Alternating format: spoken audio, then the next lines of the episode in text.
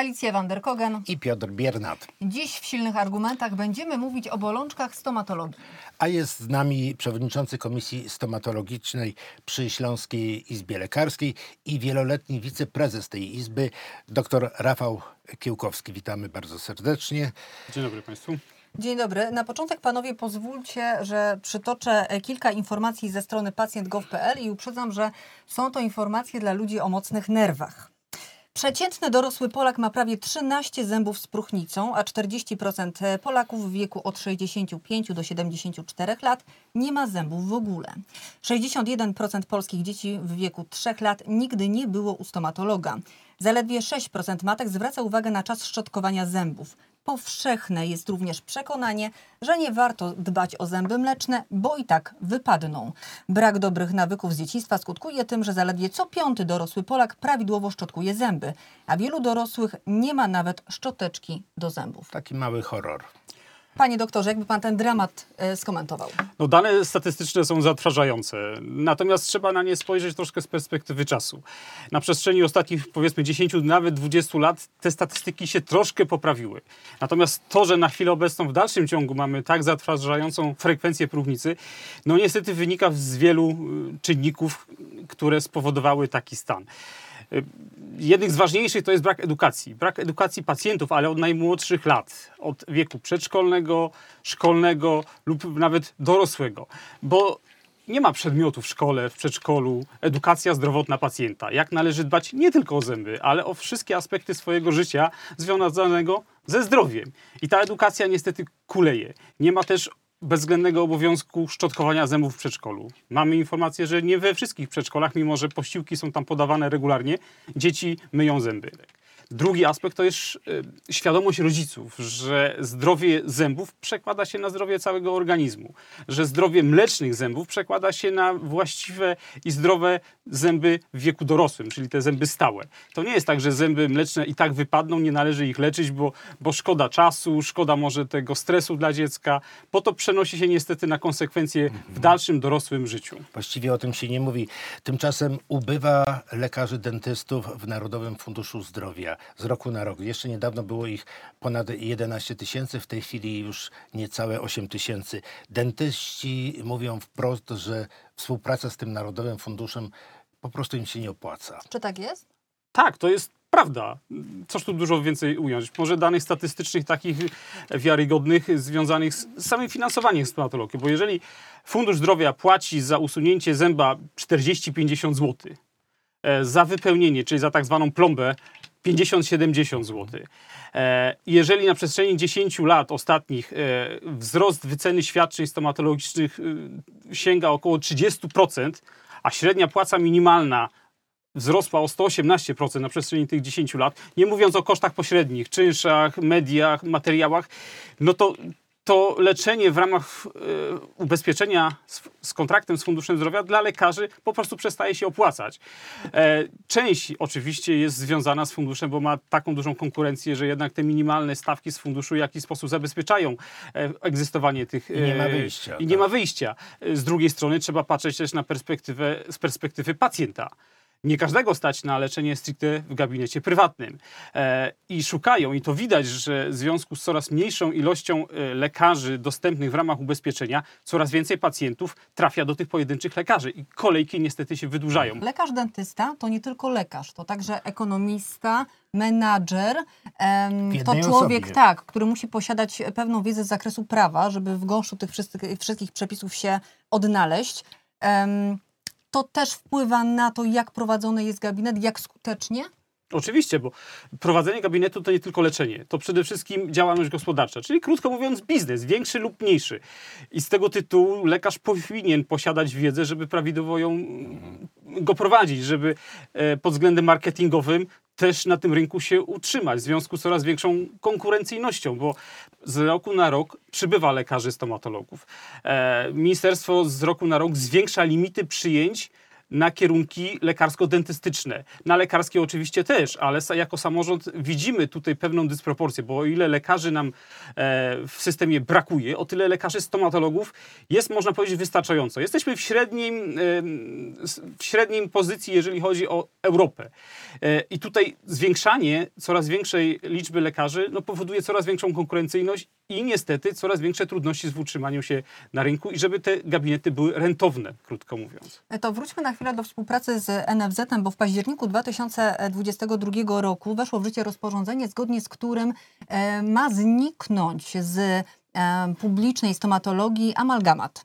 Wypełnienia amalgamatowe. Państwo e, od lat o to walczyliście, to jest duży sukces, ale jednocześnie apelowaliście, żeby zwiększyć wycenę usuwania tego amalgamatu e, i włączyć do koszyka świadczeń e, plomby bardziej trwałe, mm, bardziej nowoczesne. Co z tych apeli udało się zrealizować? Znaczy, to, że amalgamat został wycofany, to fakt. W październiku nie ma już go w koszyku świadczeń gwarantowanych. y, Nie można go zakładać w ramach tych świadczeń z kontraktem z Funduszem Zdrowia.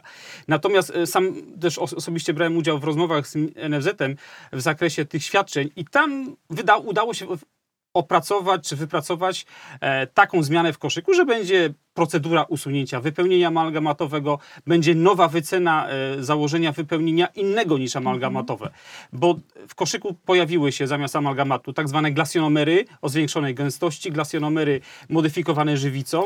I tak się dzieje naprawdę? I tak y, w realu też tak to jest? Tak, Czy tylko to, w zapisach? to jest rozporządzenie, które nakłada na lekarzy dentystów współpracujących z Funduszem Zdrowia zakładanie tego typu wypełnień. E, one są oczywiście droższe, krótko mówiąc, w zakupie. Natomiast za tymi wszystkimi ustaleniami, które mieliśmy już y, uzgodnione, nie poszło rozporządzenie, które wprowadza nowy rodzaj świadczeń, czy nową wycenę tych e, świadczeń z wykorzystaniem tych nowych materiałów. Krótko mówiąc, amalgamatu nie możemy stosować, musimy stosować droższe wypełnienia po starych cenach.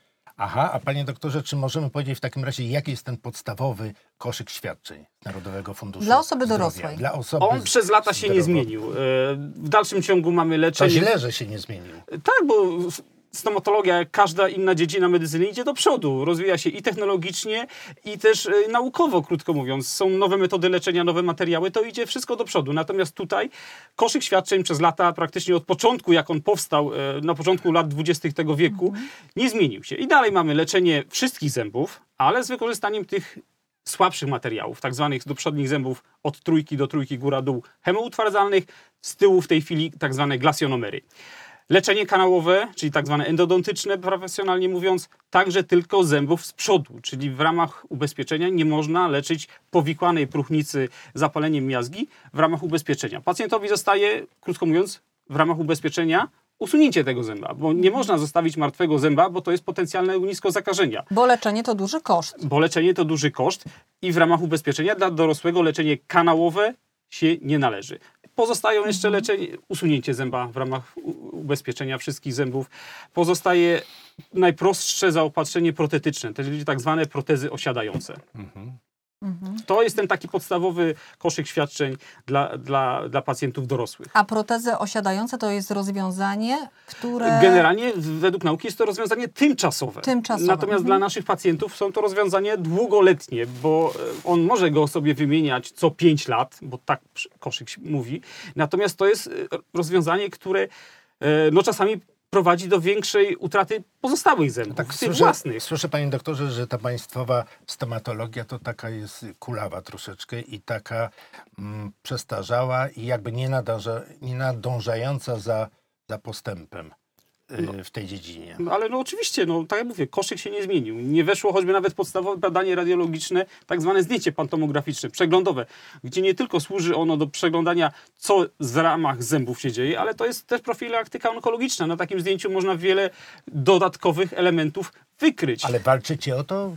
Znaczy, to było y, sugerowane, żeby to wprowadzić. Zostało wprowadzone, ale tylko dla wąskiej grupy lekarzy specjalistów, którzy mają specjalizację. A u nas lekarzy specjalistów stricte w, e, w stomatologii ubywa, bo coraz mniej miejsc specjalizacyjnych jest z roku na rok przyznawanych przez Ministerstwo Zdrowia. Stąd procent udziału lekarzy specjalistów w leczeniu jest coraz mniejszy. Tym bardziej, że kontakty specjalistyczne to jest margines, jeżeli chodzi o Fundusz Zdrowia. Czyli można podsumować, że polska stomatologia na tym rynku prywatnym rozwija się wyśmienicie. Mamy technologię 3D, mamy terapię genową, implanty i już zaczyna małymi krokami wchodzić sztu- sztuczna inteligencja e, w to wszystko. Mm, Jak w takiej rzeczywistości odnajdują się lekarze, którzy 20-30 lat temu kończyli studia? E, Szkolenia e, stomatologiczne są strasznie drogie. Mm, Jak można by je było upowszechnić? Powiem tak, ja nie widzę akurat problemem z upowszechnianiem, bo Mhm. dostęp do tych szkoleń jest, można powiedzieć, nieograniczony. Zarówno firmy komercyjne, jak i też e, izby lekarskie w postaci komisji stomatologicznych organizują te szkolenia i one organizują je w ramach tej składki, którą my płacimy na izbę lekarską i one są najczęściej dla lekarzy dentystów bezpłatne. Także dostęp do tych szkoleń jest. Ważne są tylko chęci, a właściwie też powinność lekarzy, bo e, my powinniśmy leczyć zgodnie z najnowszą wiedzą medyczną. E, I, I nauczenie się tego, co było kiedyś 30-40 lat temu, no niestety nie wystarcza na chwilę obecną, by właściwie i prawidłowo leczyć pacjentów zgodnie z, tak jak mówię, e, aktualną wiedzą medyczną. Panie doktorze, w naszym Promedico mm, pisano, lekarze dentyści pisali, że właściwie kończy się czas leka- y, gabinetów takich stomatologicznych prywatnych na rzecz komercyjnych centrów y, stomatologii. Czy to jest dobra rewolucja, czy, czy korzystna dla lekarzy i pacjentów, czy też nie? No to jest jeden z większych problemów, przed którym stoi w tej chwili samorząd lekarski, jeżeli chodzi o dział stomatologii. E, To jest nowość, z, którym musimy się e, zmierzyć. Natomiast czy to jest dobre? No, patrząc na perspektywę, z perspektywy pacjenta, być może w części tak, bo mamy większy dostęp jak gdyby do lekarza. Ale patrząc na relację lekarz-pacjent, już nie. Bo w gabinecie indywidualnym, czyli tak zwanej w praktyce stomatologicznej, mamy lekarza, z którym jesteśmy związani, można powiedzieć, od lat. On tą praktykę prowadzi od lat, jesteśmy z nim związani czasami od wieku młodzieńczego. A mam takie informacje, że w tych centrach y, stomatologicznych rzadko kiedy uda się na drugą wizytę trafić do tego samego lekarza. Czyli ten kontakt, nawiązanie wzajemnej relacji, zaufania, uważam, że w tych centrach będzie dużo bardziej ograniczony. I z, tego z tej perspektywy dla pacjenta chyba to nie będzie najlepsze rozwiązanie. Już nie mówiąc o lekarzach, którzy e, no, w tych centrach e, widzą dużą konkurencję dla siebie, dla tych, którzy prowadzą oczywiście indywidualne praktyki lekarskie. Ale mamy też z danych e, rejestru lekarzy informacji o dużej rotacji lekarzy w tych centrach stomatologicznych. Że tam lekarze nie pracują po kilka czy kilkanaście lat. Tam jest taki przystanek na chwilę, może coś nowego, tu mi nie pasuje. Z drugiej strony dla lekarzy jest to spore zagrożenie, bo w większości właścicielami tych centrów nie są lekarze. To są biznesmeni, przedsiębiorcy, głównie nastawieni na zysk. Na drugim miejscu nie jest tam kierownik medyczny, ale menadżer odpowiedzialny za przynoszenie zysku dla takiego przedsiębiorstwa. I często e, decyzje menadżera są ważniejsze od decyzji tego kierownika medycznego. Nie zawsze te procedury medyczne są zgodne z aktualną wiedzą, uzasadnione e, medycznie, a bardziej finansowo. A pan nie boi się takiej konkurencji? Oczywiście, że się obawiam. Natomiast no ja osobiście na rynku już funkcjonuję kilkanaście, prawie kilkadziesiąt lat. E, mam swoje ugruntowane grono pacjentów, którzy od dziecka, można powiedzieć, teraz przyprowadzają swoje dzieci, a niekiedy i wnuki. Stąd może dla mnie to nie jest takie duże zagrożenie. Mówiąc e, trochę o pieniądzach, to powiedzmy o tym nowym nurcie, który jest e, na zachodzie, a mianowicie poprawa em, wyglądu twarzy przez techniki stomatologiczne. Czy w Polsce już też to się dzieje? Czy to też jest popularne? Taki facelifting. Y, Oczywiście, że popularne. No, warto spojrzeć na ofertę studiów podyplomowych dla lekarzy, nie tylko lekarzy, ale także lekarzy dentystów z zakresu medycyny estetycznej. Oni mogą brać w tym udział. Oczywiście jest ograniczenie wynikające z e, ustawy o zawodzie lekarza i lekarza dentysty, że ten lekarz dentysta może poprawiać wizerunek pacjenta, ale tylko w zakresie jamy ustnej, części twarzowej czaszki. To jest mm, niepodważalne jak gdyby e, ograniczenie.